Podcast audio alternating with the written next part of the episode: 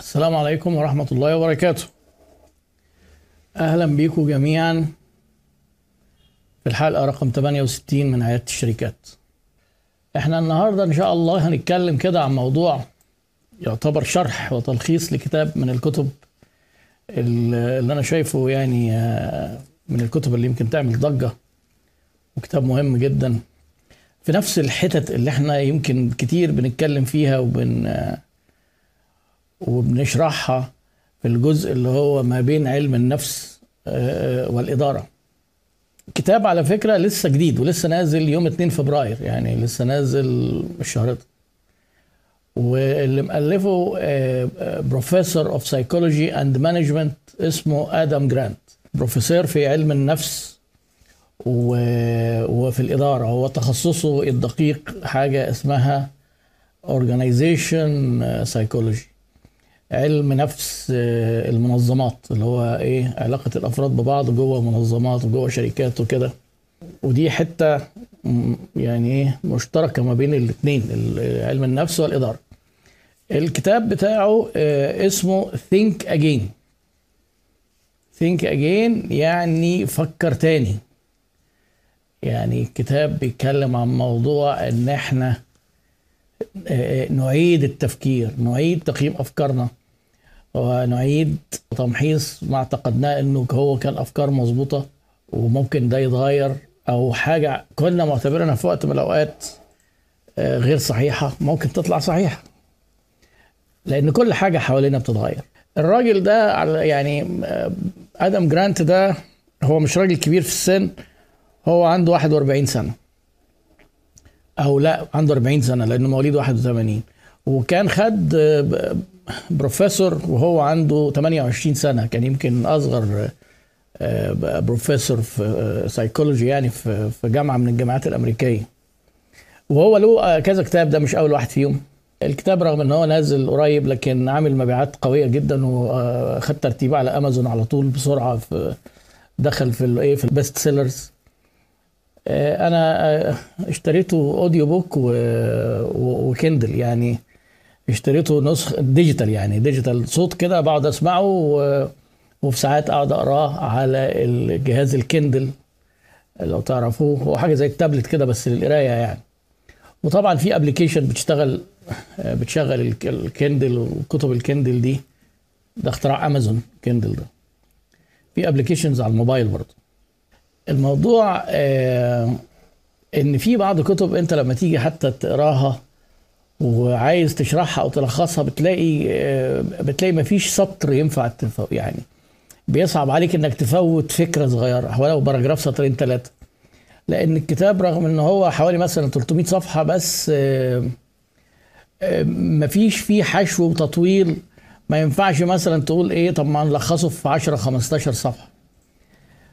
فده يعني مش هيعتبر تلخيص قد ما إن هو هيبقى شرح. وأنا أعتقد أو مش أعتقد أنا متأكد إن إحنا مش هنلحق نشرح الأفكار اللي هي ال- المهمة جدا في الكتاب آه، في مرة واحدة فإحنا يعني إيه هنبدأ كده ونشوف هنوصل لحد فين وممكن نبقى نكمل مرة أو يمكن مرات كمان يمكن مرات قادمة آه، الراجل في بداية الكتاب بتاعه بيقول آه، يعني في المقدمة كده بيحكي حكاية بتفهمك. ليه الكت- الكتاب مهم و- وبرضه كده إيه ملحوظة عابرة يعني لما انت تيجي تقرأ كتاب آه، ما تفوتش المقدمة. المقدمة دي بتبقى لو مؤلف محترم بتبقى بتقول لك هو ليه الكتاب وإيه فكرة الكتاب وإيه اللي خلاه يفكر في موضوع الكتاب. فده بيبقى يعني جزء آه، جزء أساسي كده إيه. جزء لا يتج... زي ما بتوع العقود كده يقول لك إيه وهذا التمهيد جزء لا يتجزأ من هذا العقد فالمقدمة لا تتجزأ من الكتاب. وده واضح بقى في مقدمة الكتاب ده. الراجل في المقدمة بيحكي حكاية إن سنة 1900 سنة 1949 في أمريكا حصل حريقة في من حرائق الغابات وكان وقتها عندهم نظام إن لما الحريقة دي آه، بتحصل لازم ما تنتشرش. فكان في فرق آه، إطفاء طائرة بالطيارات بينزلوا بالباراشوت على حدود حريقة الغابات دي. ويحاولوا يحاصروها ويطفوها. فكان في في س- في سنة 49 حصل حريقة ونزل فريق 15 بني آدم عشان في ولاية من الولايات كان حصل فيها حريقة. اللي حصل إن الحريقة دي كانت شرسة أكتر جدا من توقعات التيم اللي نزل آه، ولقوا نفسهم فجأة إن في نار جاية عليهم بسرعة باين جاي من مسافه بعيده بس جاية بسرعة وإن هم آه، على سفح جبل كده مش هيقدر ينزلوا مش هي... ففي خطورة إن هم مش عارفين يعني مش عارفين يتصرفوا إزاي. وحياتهم بقت في خطر من النار اللي هم رايحين يحاربوها. اكتشفوا إنها أقوى منهم. أه لقوا واحد منهم اما طلع كبريت وقام مولع في الحشائش والأشجار اللي جافة في المنطقة اللي حواليه. وقام عامل حريقة تانية. في الوقت ده هو قاعد ينادلهم ويقول لهم تعالوا ولعوا معايا. الحريقة قالوا له انت بتعمل إيه؟ انت مجنون. إحنا ناقصين حريقة. ده هي الدنيا حريقة أصلا. الراجل كان بيحاول ينقذ حياته بشكل غير تقليدي في التفكير. بيست... إيه عارفين بقى إيه؟ كالمستجير من الرمضاء بالنار. هو كده بالظبط. هو جات له حريقة قال لك أنا هولع حريقة عشان هي اللي هتنقذ حياتي. ولع عمل حريقة في المنطقة اللي هو فيها وبعدين الحريقة دي لأن كانت شوية حشائش وكده تحولت بسرعة إلى رماد وهو طفاها وبقى ما فيش حاجة النار لما تيجي هتولع فيها. وقام قاعد في وسط المكان اللي هو الرماد المحروق ده في انتظار الحريقة بقى إنها تجيله.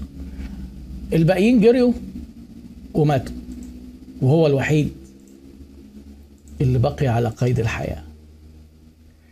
فالقصة دي فيها جزئية مهمة بتقول إن أحيانا التفكير بطريقة عكسية عكس التقليدي بكسر القوانين وكسر القواعد اللي إحنا متعودين عليها ممكن ده يبقى أنجح من اتباع القوانين. بدل ما النار نجري منها إحنا رايحين نطفيها. آه آه. آه ده كان فيلم والله أنا أول مرة أعرف إن ده كان فيلم. حد كاتب إنه في التعليقات إن ده كان فيلم. حسن سعيد بيقولوا ده كان فيلم يا دكتور. هو دي قصة حقيقية على العموم لو كانت تحولت إلى فيلم هي تستاهل. آه المهم اكتشفوا بقى الناس اللي لما لقوا جثث الناس اللي ماتت دي واحد منهم لقوا الساعة بتاعته متوقفة على وقت بعد ما هو ندلهم بثمان دقايق. يعني كان فرق بينه وبين إن هو ينقذ ثمان دقايق كانوا يقدروا يبقوا موجودين معاه. جريوا قعدوا جري يجروا ثمان دقايق كده. النار كانت أسرع منهم وموتتهم فمن هنا جت طبعا هم غيروا القوانين الأمريكية بعد كده وبقى لما حريقه الغابات تطلع تحصل ما بقوش بيبعتوا الناس اللي بالباراشوت بس النظام ده اتغير في السبعينات يعني بعدها وده كانت من ضمن الحوادث اللي دعت إلى هذا التغيير. فهو طريقة التفكير دي ما كانتش ممكن تخطر على بال هذا الشخص غير لو كان عنده حاجة هو مسميها mental fitness أو mental agility رشاقة عقلية أو لياقة عقلية. هي اللياقة دايما بتقال على اللياقه البدنيه إن الواحد كده رشيق وعضلاته بيتحرك وخفيف الحركة. لازم تبقى أفكارك وقدرتك على المناورة والحركة وإعادة تقييم الأفكار برضه فيها رشاقة. هي القصة دي طبعا دراماتيكية جدا إن هو عرف في وسط ظرف ال stress ال stress ده بيشتغل فيه system 1 والأفكار التحليلية والانتقادية دي دور system 2 وعرف يتحكم في نفسه ويشغل الجزء التحليلي في دماغه في وسط ما هو المفروض عقله بتاع system 1 اللي ربنا مديهولنا عشان نهرب من الخطر هو اللي شغال. وده اللي أنقذ حياته. إن بدل ما كان بيجري من الحريقة لا قال لك أنا هولع حريقة وهو ده اللي هينقذني وأنقذه بالفعل. في حاجات كتير إحنا بنتعامل معاها في حياتنا بشكل إن هو إيه أفكار لا تقبل الانتقاد وهو بينتقد أفكار كتير منها. وإذا كان في أمريكا عندهم شوية أفكار كده إحنا عندنا أطنان من الأفكار اللي محتاجة تتغير. يعني حتى هو لما كان بيدي أمثلة كنت بتخيل نفسي مثلا أنا لو الكتاب ده أنا إيه أنا هكتب الجزئية دي. أنا هدي أمثلة أمثلة تانية خالص يعني. حتى أنا بقى مغير شوية أمثلة وأنا بشرح. كالعادة كده أنا برضو بقى بدخل إيه آه يعني وأنا بشرح لكم الكتاب بدي لنفسي الحق. أنا مش بغير الأفكار ولكن هو المحتوى بالأمثلة اللي هي قد يعني تناسب هناك عندهم في ثقافتهم ما تناسبناش. إحنا عندنا حاجات أوضح جدا لل... فمثلا هو بيقول لك إن مشهور جدا في أمريكا عشان عندهم الامتحانات MCQ بيقول لك لما أنت تيجي تجاوب خد أول إجابة خطرت على بالك أو أول إجابة أنت جاوبتها ولو سمحت ما تجيش تغير الإجابة لأن غالبا أول إجابة هي اللي بتبقى صح. هو الراجل قال آه، بالدراسات طلع إن الكلام ده مش مظبوط. إن الشباب اللي بيمتحنوا دول وخايفين يغيروا إجاباتهم لدرجاتهم تقل طلع إن الأغلبية درجاتهم بتزيد لما بيغيروا الإجابة. أكتر من نص الناس بيتحولوا من الإجابة الخطأ إلى الصح والربع هو اللي بيتحول ممكن من الصح للخطأ. يعني في المتوسط إن مش عيب خالص ومش خطر زي ما كانوا بيقولوا زمان.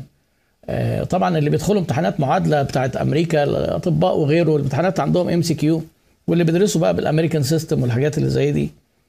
هتلاقي المقولة دي منتشرة بينهم إن خليك مع أول إجابة وما تغيرهاش لأن درجتك هتقل الراجل مستند إلى أبحاث علمية دراسات اتعملت إن اتضح على عينات بحث كتير قوي إن الحقيقة إنها الدرجات بتزيد مش بتقل. هو دي برضو إيه؟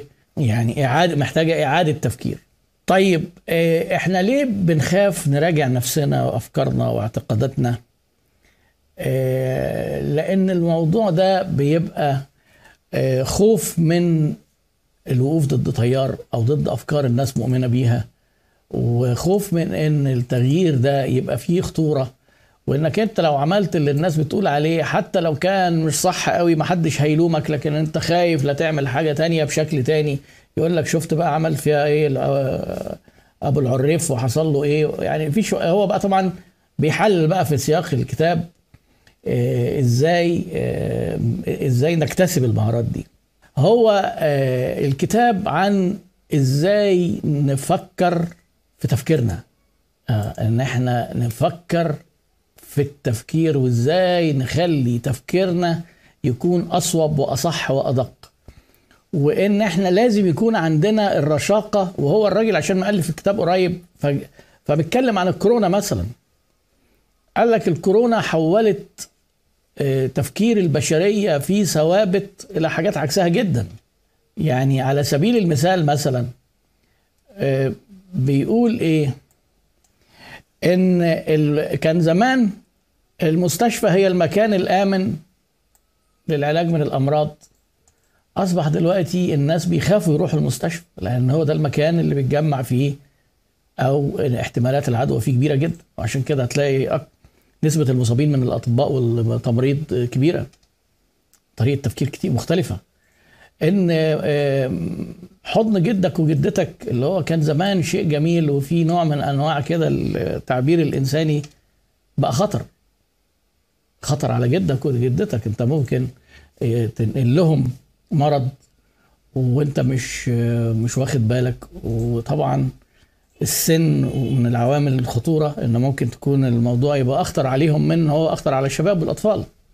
آه، المدرسة اللي هي كانت الأساس والتعليم الأونلاين بيساعد المدرسة. بقت المدرسة مكان خطير التواجد فيه والأساس أونلاين. بقى التعليم أونلاين والمدرسة ملهاش ملهاش وجود وخطر إن إحنا نبقى موجودين فيها.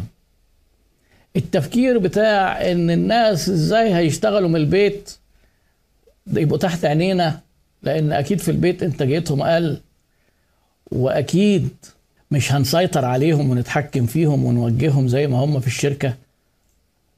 كل الشركات الكبيرة اكتشفت إن الشغل من البيت أوفر في حاجات كتير جدا على الشركة وأريح للموظف والإنتاجية لقوها بتزيد. بقى في تعبير جديد كده اسمه نيو نورمز يعني إيه؟ الوضع الطبيعي الجديد الوضع الطبيعي مش إن هو ده استثنائي إن الوضع الطبيعي الجديد حتى من غير كورونا إن الناس أغلب شغلهم هيبقى من البيت. وظائف معينة طبعا. يعني ما ينفعش مثلا دكتور ولا عامل في مصنع ولا حاجات زي دي بس الوظائف الإدارية آه، تقريبا كلها تنفع تبقى من البيت. شايفين إعادة التفكير شايفين إزاي البديهيات والأشياء المسلمة بي المسلم بيها آه، ممكن تختلف. آه، طبعا ده غير إيهاب مسلم ده ما بيختلفش ده شغال زي, ما هو على طول. آه، فهو بيقول لك إن إن دي كانت درس للبشرية وكورونا جت وهو في مرحلة إعداد الكتاب ده. هو الكتاب مقسمه ثلاث أجزاء. الجزء الأولاني بيشرح فيه إزاي موضوع إعادة التفكير مرتبط بالنجاح. الجزء الأولاني من الكتاب. والجزء الثاني بيشرح إزاي الناس أو يشجع الناس على إعادة التفكير. يشجعهم على على تقبل الفكرة لأن إحنا هنعرف إن الموضوع ده مرفوض عند أغلب الناس. يعني هنعرف من الإيه؟ من الشوية اللي جايين على طول. والجزء الثالث من الكتاب بيقول فيه عن أدوات تسهل ويعلم الناس إن هم إزاي يعيدوا يعيدوا تقييم أفكارهم. آه، كل جزء من الكتاب فيه إيه؟ تشابترز معينة يعني أول جزء مثلا ثلاثة ثلاثة تشابترز وأنا على فكرة يعني ما خلصتش لسه الكتاب. لأن أنا بعد ما قريت أول أربعة تشابترز المقدمة وأربعة تشابترز حسيت إن أنا محتاج أقراهم تاني. وقريتهم تاني ورجعت قريتهم تالت لأن علشان أنا عارف إن هنبني قدام على الكلام ده ف فايه الكتاب ممتع حقيقي وجميل وأتمنى إن يكون اللي أنا هوصله لكم منه بنفس درجة ال- الاستمتاع اللي أنا استمتعته وأنا بقرأ الكتاب يعني. آه، ولو إن اللي أنا أعتقد إن القراءة هي متعة لا يعادلها متعة إنك تسمع. بالنسبة للي بيحبوا القراية يعني. الراجل بعد كده بدأ يحكي في حكاية حكاية مهمة جدا وكلنا عصرناها في تاريخنا آه، خلال 10 15 سنة الأخيرة. آه، الراجل بيقول إن في كان واحد اسمه مايك لازاريدس. ما أظنش في حد فيكم سمع الاسم ده. آه، مايك لازاريدس ده كان وهو طفل صغير كان شديد الذكاء. وبعدين بدأ كده في طفولته كان بيلعب بالليجو والحاجات اللي زي كده وبعدين إيه بدأ يلعب بيعمل إلكترونيات على خفيف كده كسب في بطولات ومسابقات في الليجو. وبعدين لما اتعلم الإلكترونيات شوية بقوا المدرسين في المدرسة لما يبوظ عندهم جهاز ولا تلفزيون ولا حاجة يجيبوه وهو يصلحه. اهتماماته دي آه، خلته إن هو آه، يبقى متفوق ودخل كلية. بس آه، جه قبل ما يخلص الكلية قام عامل فكرة كده الفكرة دي آه، جابت له فلوس كتير قوي. مايك لازاريدس لو انت ما تعرفوش أكيد سمعت عن المنتج بتاعه. لأن الراجل ده لما ساب الكلية راح عمل شركة. الشركة دي في تاريخ ال business يؤرخ لها إنها أسرع شركة في النمو.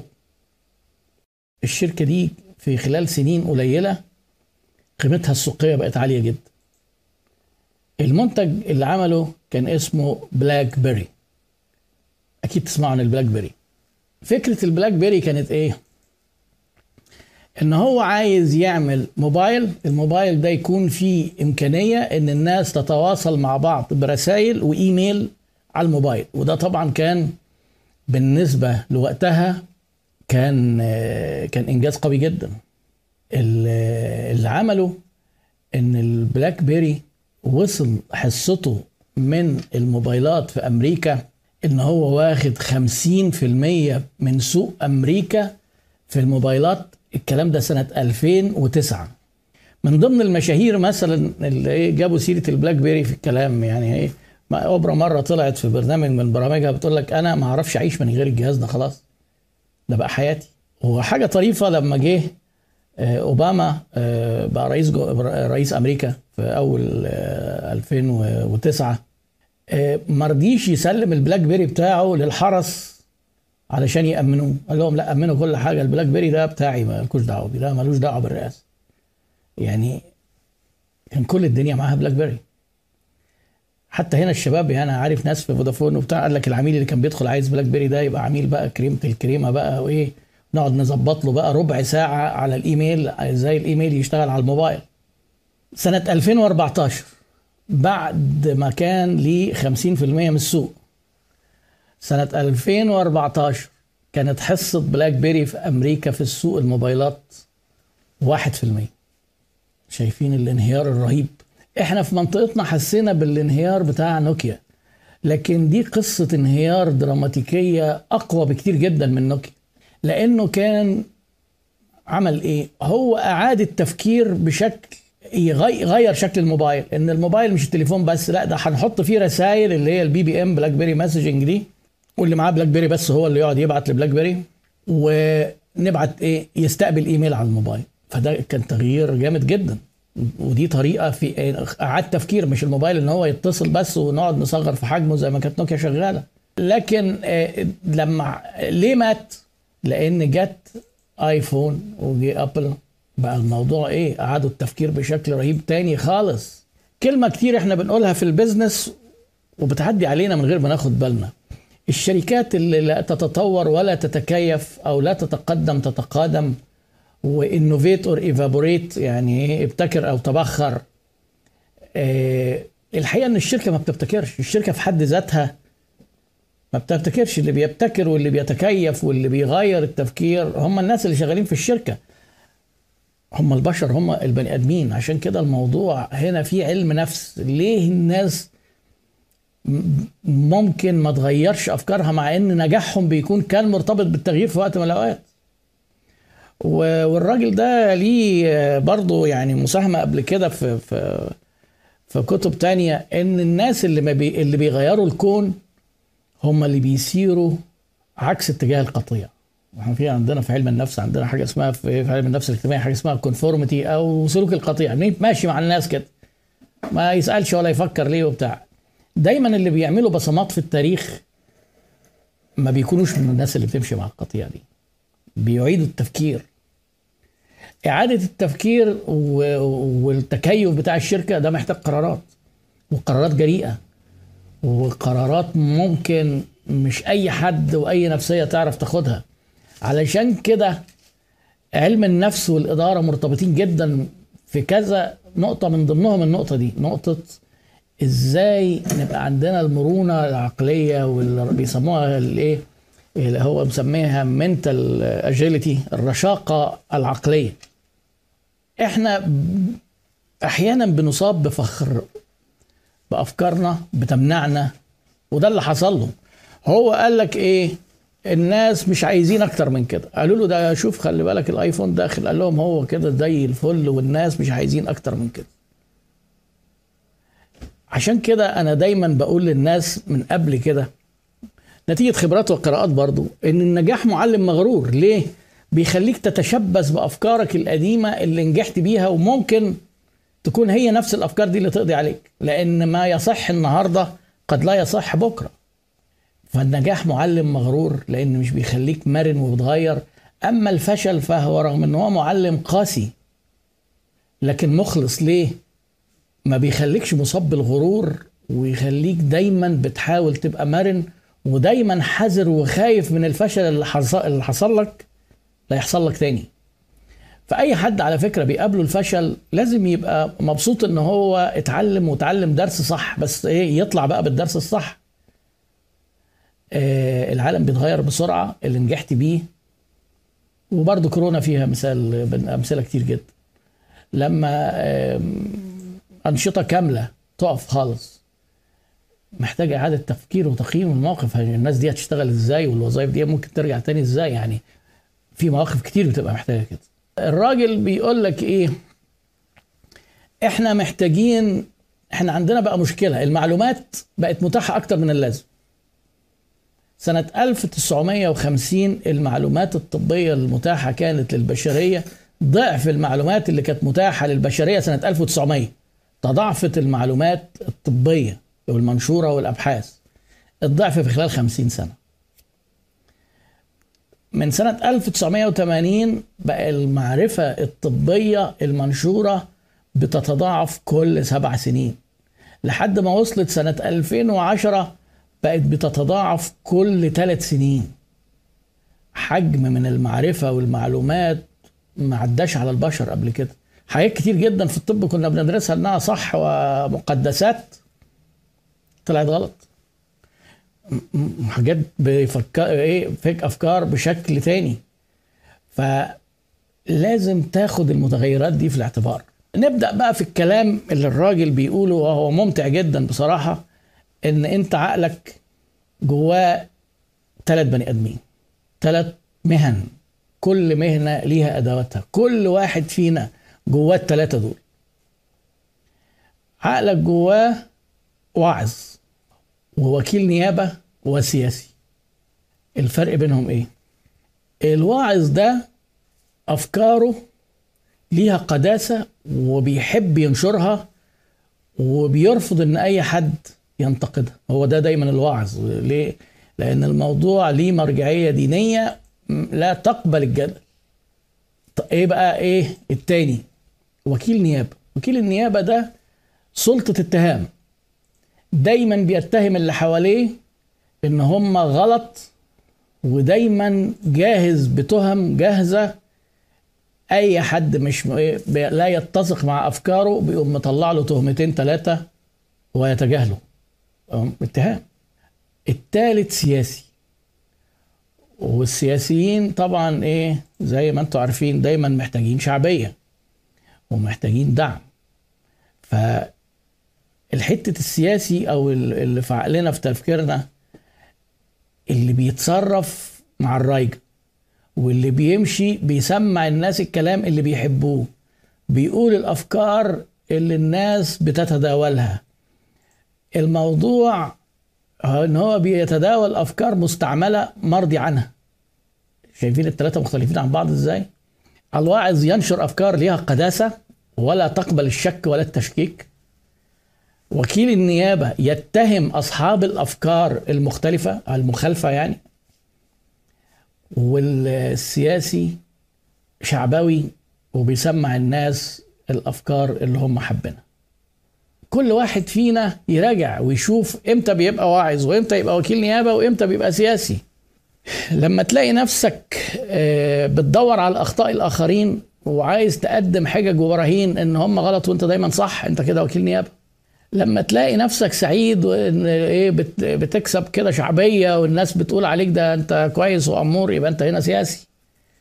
لما تلاقي نفسك بتردد مقولات مقولبة وعايز تنشرها أنت كده واعظ. هل الوعظ دايما صح؟ إحنا مش بنتكلم في الدين إحنا بنتكلم على على ال business. الراجل ده بتاع إدارة والكتاب ده كتاب إداري في الأول رغم إن هو بصبغة سيكولوجي آه لكن ده كتاب آه كتاب في الإدارة. آه لا الكتاب بالعربي لا ده لسه نازل 2 فبراير يعني ده لسه حتى مش متاح بالإنجليزي يعني. ما دخلش مصر وأنا متأكد أي نسخة مطبوعة منه. لأنه يعني توفر على أمازون من حوالي 10 أيام. الأفكار اللي ممكن واعظ يقولها لك في الشغل يجي يقول لك إيه؟ السوق المصري ملوش كتالوج. فكرة مقدسة كده عند عند بعض الناس وبيتداولوها وبيبشروا بيها وكأنها دين. والعلم في الرأس مش في الكراس. وأنا لما باجي أقول خرافات الشركات من زمان من سنين طويلة كنت بقى إيه؟ بنتقد عقل الواعظ اللي هو بينشر تخاريف على إنها صح وحقيقة وما قطع الأرزاق حرام وما أعرفش نمسك الخيط من أوله. شوية حاجات كلها استنباط كده. وما أعرفش فدان شط اسمه إيه ده؟ يراد حظ ولا فدان شطارة. اللي بيردد هذه الأفكار ومقتنع بيها وبينشرها ويلم الناس كده حواليه ويقول لهم سيبكم بقى من الكلام ده أنا اللي فاهم كل حاجة وأنت وعظ.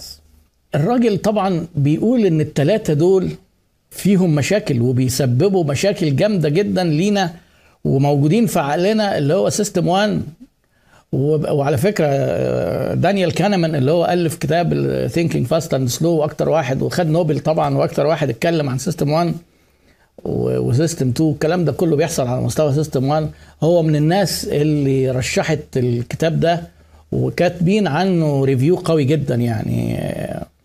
لما واحد في قوة دانيال كانمان وراجل معدي ال 85 سنة هو ده كان من ضمن الاسباب إن أنا جبت الكتاب أصلا. يعني ده هو كمان حتى الراجل هناك في أمريكا لما قبل الكتاب ما بينزل بيبعتوه كده لبعض ناس يقروه ويكتبوا عنه قبل ما ينزل. فأنا كنت قاعد مستنيه أصلا. فالمهم اديكم مثال اديكم مثال خطر على بالي وأنا قاعد أقرأ الكتاب ده. لما يجي واحد يقول لك إيه؟ أنا هفتح مطعم ويبدأ يسأل الناس. ممكن ما هو يسأل واحد يطلع واعظ. يقول له توكل على الله الأكل عمره ما بيخسر. شايفين؟ شايفين الجملة؟ الأكل عمره ما بيخسر دي جملة مقولبة جاه- جاهزة إيه ان إيه بنبشر بيها دايما. يقول لك إيه اشتغل في الأكل عمره ما بيخسر. يجي وكيل النيابة يقول لك إيه خلي بالك في ناس اغبياء ده ده اوعى تسمع الكلام اللي بيقول لك ما تفتحش دول عايزينك دول على فكرة متخلفين وأغبياء وما يفهموش حاجة. ده عايزينك تفضل موظف كده وفقير. افتح. وكيل نيابة بيتهم الناس كلهم إن هم أغبياء. السياسي اللي جواك ممكن يقول لك إيه يا سلام لما أفتح بقى مطعم كده فرايد تشيكن وأتصور جواه كده سيلفي وأصحابي على الفيسبوك كده يتغاظوا إن أنا عندي مطعم وهم لأ. ويجوا بقى علشان أعزمهم. و... والناس بقى تقول ده شوف الناجح إزاي و... وأجيب بقى اللي كانوا بيتريقوا عليا أيام المدرسة والكلية أقول لهم شفتوا أنا عملت مطعم وأنتوا لأ. آه وبعدين في الآخر بيقفل المطعم. يعني بيفت يعني التلاتة دول ممكن كل واحد فيهم يضللك بشكل. التلاتة. طيب أمال إيه بقى؟ كيف ننجو؟ كيف ننجو من هذا؟ الراجل بقى وهي دي بقى إيه يعني أول زتونة في الكتاب. هو الكتاب مليان يعني في حاجات جميلة كتير بس دي أول زتونة. أول زتونة في الكتاب يقول لك لو سمحت لازم يكون عندك شخصية رابعة ومهنة رابعة في مخك. مش موجودة عند ناس كتير للأسف. قال لك إن أنت تشتغل بأدوات العلم والمهنة اسمها مهنة العالم. مش العالم إن أنت تبقى يعني على قدر من العلم وتعمل أبحاث وبقى وتلبس بلط أبيض وتدخل معامل وبتاع. لا مش دي. الفرق ما بين ال- العلوم والهبد في المنهجية العلمية. كل حاجة تخضع لإنها تبقى فرضية صحيحة أو غير صحيحة. لما تيجي عايز تفتح مطعم وتفكر بشخصية العالم هتبدأ تسأل. التكلفة إيه؟ مثلا مش حب المطعم كده وخلاص. المنافسة إيه؟ الأسعار إيه؟ اسواق العملاء إيه؟ الأماكن اللي طالبة في إيه؟ واشمعنى فرايد تشيكن وإيه السيناريوهات؟ والوجبة هتبقى بكام؟ هنبيع بكام واحدة في اليوم؟ هنجيب أجهزة منين؟ وعلى فكرة من ضمن الأدلة بتاعت إن في مطاعم كتير بتقفل إن سوق المستعمل أسعاره في في معدات المطابخ بتاعت المطاعم يعني أسعاره نزلت لأن معروض كتير كله بيقفل وبيبيع. فخلي بالكم برضه إيه؟ من الثلاث شخصيات دول اللي ياخدوكوا على سكة ال- المطعم. المطعم والسوبر ماركت والحاجات الشهيرة دي وتعالى نفتح كافيه وتعالى. آه، فهو بيقول لك إيه لازم يبقى أنت ما تاخدش بالمظهر ما تعتمدش على النجاح إنه شكله حلو. ما تعتمدش على إن ال- الشياكة والشعبية. لازم حاول تتكلم بشخصية أو تفكر بشخصية العالم إنك تحط احتمال إن المطعم ده ممكن يبقى كويس وممكن يبقى وحش. وتدرس هل هيبقى كويس هل هيبقى وحش وتحط احتمالات. ما يبقاش دايما إن فيه إيه انحياز وميل إلى إن فيه هو احتمال وحيد. ما دام أكل يبقى الأكل أكيد هيكسب. طبعا لأ. الموضوع محتاج نشوف العالم ده أو. طريقة العالم دي وهي دي الصفات اللي المفروض تبقى موجودة عندك في تفكيرك. أول حاجة تعترف بقصور معرفتك وإن في حاجات أكيد محتاج تعرفها. نظام إيه أنا أبو العريف والعلم في الرأس وأنا ما جابتنيش ولاده مش صحيح. إنك أنت كل حاجة تحاول تشك فيها عشان تتأكد إنها مظبوطة. يقول لك بتكسب. طب بتكسب إزاي؟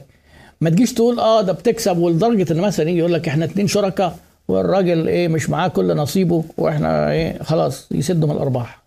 يعني إحنا متأكدين إن في أرباح؟ آه متأكدين طبعا. الناس كلها بتكسب. وش معنى إحنا يعني يبعد عن الانحيازات.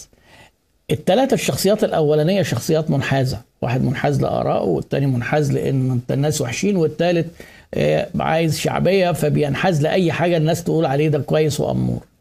بتبني قراراتك بناء على معلومات وبيانات مفيش انحيازات تشك في معلوماتك وإن يمكن ناقصك حاجة ما عرفتهاش وما يبقى ما تندفعش لأن أفضل القرارات اللي اتخذت في الشركة وسببت نجاح الشركات لما جم عملوا دراسات لقوا اللي كان بياخدها كان بياخد وقت طويل وكان دايما في في شك هل القرار ده صح ولا غلط. هم طبعا آه، في حاجة اسمها hindsight bias كده إن أنت إيه بعد ما تاخد القرار كنت قلقان وبعدين بعد ما تاخده وينجح بيجي system 1 بقى بتاع السياسي تقوم ماسك الميكروفون وتقول أنا عملت الكلام ده طبعا وكانت رؤيتي وكنت سابق مع إنه أنت بتقرر كنت بتفكر صح لأنك كنت شاكك وحللت. لا بتنسى الكلام ده كله وكأن أنت راجل ملهم ويبدأ النجاح يغرك ويخليك بقى تاخد القرار اللي بعديه أسرع وتقوم إيه لابس في شجرة. خلي بالك هي الدراسات قالت كده. والراجل ده بروفيسور بتاع سيكولوجي أنا ما بحبش أقرأ الكتب اللي هي بالخبرة كده وبالهبد وتعالى و... وأنا مدمن نجاح وتعالى أفهمك والحاجات دي دي ده مش كتب ده ده نشر للخرافات نشر للتخريف إلا لو كان هينقله بقى من كتاب تاني أو كده. فسعادتك حاول تتخلص من الثلاث شخصيات دي إنها تسيطر عليك.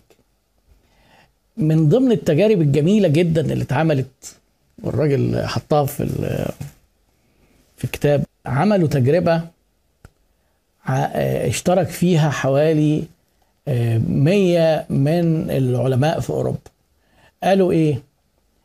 إحنا هنجيب عشان موضوع عايزين يشوفوا هل التفكير العلمي ده بيسبب النجاح فعلا ولا لأ. قاموا جايبين عينة. العينة دي كانت تقريبا من أكتر من 100 من 100 من 100 ستارت أب. 100 مدير أو صاحب شركة ناشئة. وخدوهم في ميلانو في أوروبا ومعسكر تدريبي قوي جدا. المية كلهم اتدربوا على الإدارة والتسويق والاستراتيجية وكل المهارات. وبعدين قسموهم نصين. نص بس. نص من العينة نص منهم علموه إزاي يحط فرضيات إزاي ما ينحسش إزاي يتست يعني اللي هي بيسموها الفرضيات العلمية. نفس طريقة تفكير العلماء. هو العلماء بيحط إيه؟ فرضية ويشوف هل في علاقة ولا ما فيش علاقة الكلام ده صح ولا مش صح؟ ويقعد يعمل الأبحاث. لو حد فيكم عمل أي دراسات عليا وكده بس طبعا إيه بتبقى متفبركة عادة بس أنا بتكلم على المنهجية. المنهجية إن يبقى في فرضية ما نبقاش منحازين قبلها. وعلموهم الايه الطريقة دي إن هو إزاي يفكر تفكير ناقد وإزاي إن هو لما يجي يدير شركته ما يبقاش يحب الشركة ويحب الفكرة ويتحمس لها منتج جديد يحبه ويجري ويعمله. فبقوا عندهم مرونة أكتر في التفكير وبعدين قعدوا يتابعوا المجموعتين لمدة سنة. لقوا إن المجموعة اللي ما درستش المنهجية العلمية كان متوسط إيرادهم الشهري 300 دولار. اللي درست المنهجية العلمية كان متوسط إيرادهم كام؟ 12 ألف دولار. شايفين الفرق؟ يعني في ساعات الفرق الفروق تبقى دلالة إحصائية يقول لك إيه ده في 5% 10% ويفرحوا قوي إن في في البحث إن طلع فرق أهو. لكن ده أنت بتتكلم في 40 ضعف. إن التفكير العلمي والتخلص من الانحيازات فرق جدا. في حتة الانحيازات بقى هو جه اتكلم قال أهم انحيازات في علم النفس بيقع فيها البشر نوعين من الانحيازات. حاجة اسمها desirability bias اللي هي إيه؟ انحياز الرغبة إن هي حاجة أنت عايزها. وحاجة اسمها انحياز التوقع إنك إيه؟ يعني إيه انحياز؟ يعني لما انت تيجي مثلا تعمل مشروع وتبقى ال desirability bias إن انت إيه تبقى نفسك ينجح فتعمل إيه تقعد تفكر ويبقى. انت فاكر إنك انت بتفكر بس انت بتفكر تفكير منحاز ومش بتحلل انت منحاز إن انت تطلع إن الموضوع ده هيكسب ليه desire انت هو ده ال desire بتاعك فإيه. فده اللي بيخلي اللي بيخلي إن حتى لو أنت تيجي تفكر بالتفكير العلمي وأحيانا العلماء بيقعوا في في الغلطات دي إن الانحيازات بتخليهم وفي انحياز التوقع إن هو انحياز الرغبة وانحياز التوقع إن أنت متوقع إن ده اللي هيحصل فتقعد أنت إيه تبرر وتقعد تقول إن إيه حتى زي ما إحنا قلنا قبل كده في السيستم 1 إنك ترى ما تتوقع أن تراه والانحياز الثاني ان هو ترى ما تحب أن تراه. فالدراسة دي أثبتت تماما إن الموضوع طريقة تفكير. نرجع لبلاك بيري وآيفون. ستيف جوبز سنة 2004 جاله المهندسين بتوع الشركة بتاعته وهو كان عامل نجاح رهيب بالآيبود. قالوا له عايزين الآيبود بتاعنا ده نحط فيه تليفون يبقى تليفون. قال لهم امشوا اطلعوا بره. دي أغبى فكرة سمعتها في حياتي. أبقى شركة أبل تبقى شركة موبايل من الموبايلات اللي هي الحقيرة اللي بتهنج بيقول لك كان بيقعد في أي اجتماع يحاول يتصل موبايل يهنج منه يقوم ضربه في الحيطة مفشفشه. بيقول لك عمر ما شركة أبل هتعمل موبايلات. أجهزة فاشلة. إحنا بتوع كمبيوترات كمبيوترات عم إيه؟ جودتها عالية جدا رفض الفكرة. بس قعدوا هم أصروا وحاولوا يقنعوه. قعدوا ست شهور يقنعوه. أنتوا عارفين ستيف جوبز كان خايف من إيه؟ كان خايف للموبايل ما ينجحش والآيبود اللي هو ال MP 3 player. اللي بيتحط عليه مزيكا ده إن هو يموته بإيده والموبايل ما ينجحش. وقال لك لا ده فكرة غبية. لما اقتنع شركة أبل غيرت غيرت شكل الموبايلات وغيرت السوق ده خالص. قعدوا سنتين بقى إيه قعدوا سنتين ونص بعد ما اقتنع يعملوا تجارب وأبحاث وعملوا بقى اللي هي ال touch screen والحاجات اللي زي كده ما كانتش موجودة. في الوقت ده المهندسين بتوع بلاك بيري قعدوا يقولوا له نحط browser يقول لهم لا. الناس مش عايزة متصفح على الموبايل يكفيهم جدا إنهم يبعتوا رسائل لبعض. طيب ده هم جم اتحايلوا عليه في حاجة. قالوا له طب نخلي الرسائل ال BBM دي مش لازم تتبعت من بلاك بيري نسمح لكل الموبايلات في العالم تبعت رسائل لبعضها. هنمسك سوق كويس وهيبقى عندنا منتج يجيب فلوس. كان وقتها كان مغرور ليه؟ لأن الشركة كانت تساوي 70 مليار دولار واخد نص السوق الأمريكي بعد ما الآيفون نزل بسنة سنتين كان لسه شغال لسه الآيفون ما جاش في يوم وليلة عمل كده. قال لهم لا. ده حصل بسبب دي حصل إيه؟ فتح الباب لواتساب يدخلوا. واتساب وما فيش بعد فترة قصيرة جدا فيسبوك اشتراهم ب 19 مليار. هي مجرد خدمة بتخليك تبعت رسائل من أي تليفون لأي تليفون في العالم. شايفين؟ نجاحه بعد ما كان نجح بشخصية العالم اللي قاعد يحط فرضيات ويختبرها خلاه يبقى منحاز للأمر الواقع وخاف يغيره. والعكس تماما عمله ستيف جوبز. تمسكه كان متمسك برضه متشبث بنجاح الآيبود فخايف. لكن زي ما قلت لكم القرارات بيبقى فيها شك وبتبقى محتاجة وقت. خد الوقت وفكر وقرر إن نجح الآيفون نجاح ساحق فالناس كلهم قلدوه. عبد الله آه عبد الله مدني بيقول رأي حضرتك في نزول آيفون 12 بدون شاحن وسماعه أنا أعتقد إنها فكرة ذكية وده يمكن اللي خلى الناس تقلده. أنت عارف لما تيجي تبص لنفسك كده الموبايلات موجودة في حياتنا بقالها سنين طويلة قوي يعني أنا شخصيا أول موبايل جبته كان سنة 96 وبعدين قعدنا شغالين بقى إيه خلاص واختفت الموبايلات وجي ال smart phone. وبقى الشاحن الآيفون له شاحن معين. واللي غاويين آيفون هتلاقي عندهم في البيت خمس ست شواحن آيفون. واللي غاويين بقى الموبايلات التانية عندهم الشاحن التاني ولا ال USB ال C الجديدة دي. فالحقيقة إحنا عندنا شواحن كتير أصلا. والموبايلات هي اللي بتودع وبتتكسر وبتتسرق وبتضيع. لكن الشاحن طول عمره في البيت ما بيحصلوش حاجة. فالحقيقة دي بصيرة وذكاء. وهم أنا متأكد إن ده اتعمل بعد بحث تسويقي. واتعمل إن هم سألوا عينة لأن الناس دي مش بتهبد من دماغها. سألوا عينة من العملاء المحتملين لو إحنا هنشيل الشاحن ده هيفرق معاك؟ عندي في البيت. أنا شخصيا مثلا آخر موبايلين عندي الشواحن بتاعتهم لسه في علبه وشغال بالشواحن اللي قبل كده. ما, ما لهمش حاجة يعني. في بس موبايل منهم كان معاه شاحن سريع كده فطلعته واشتغل بيه. ولقيته مش فارق حاجة كتير عن الشاحن اللي قبليه فسبته. خلاص ما اشتغلش. عندنا شواحن كلنا. وبعدين السماعات. ما هي السماعات دي كانت برضه قعدوا يتريقوا عليه إن هو لما شال اللي هو ال socket 3.5 مللي ده وبعدين كلهم شالوه. هي leader وهي عارفين ال slogan إيه الشعار بتاع آيفون؟ Think different. فكر بشكل مختلف. وده ماشي أهو مع الكتاب. لأن هو فكر بشكل مختلف. حتى لما جه عمل الكمبيوتر في الأول فكر بشكل مختلف نجح جدا. عمل الآيبود فكر بشكل مختلف. ولما عمل الآيفون والآيباد دايما بتلاقي think different دي شعار إنك تعيد التفكير في المنتجات العادية وتقدم حاجة. هو نفسه كان في ال presentation اللي قاله 2007 قال لك إحنا نعيد كتابة تاريخ الموبايل. إحنا مش بنقعد نحسن تحسينات صغيرة كده. إحنا عملنا كده زي قفزة الضفدعة بيسموها leap frog كده. نطينا وسبنا المنافسين? آه، يعني أتمنى يكون الجزء اللي إحنا قلناه من الكتاب وهو جزء لا يشكل أكثر من 15 إلى 20% يكون أفاد يعني. وإن شاء الله لنا عودة للكتاب. قد يكون في لايف أو قد يكون على البودكاست أو على اليوتيوب. الله أعلم. لكن إن شاء الله الكتاب آه، بإذن الله هكمله لأن أنا هكمل قرايته وهتبقى لما أنا بشرح الحاجة أنا نفسي بفهمها أكتر. أشوفكم على خير. والسلام عليكم ورحمة الله وبركاته.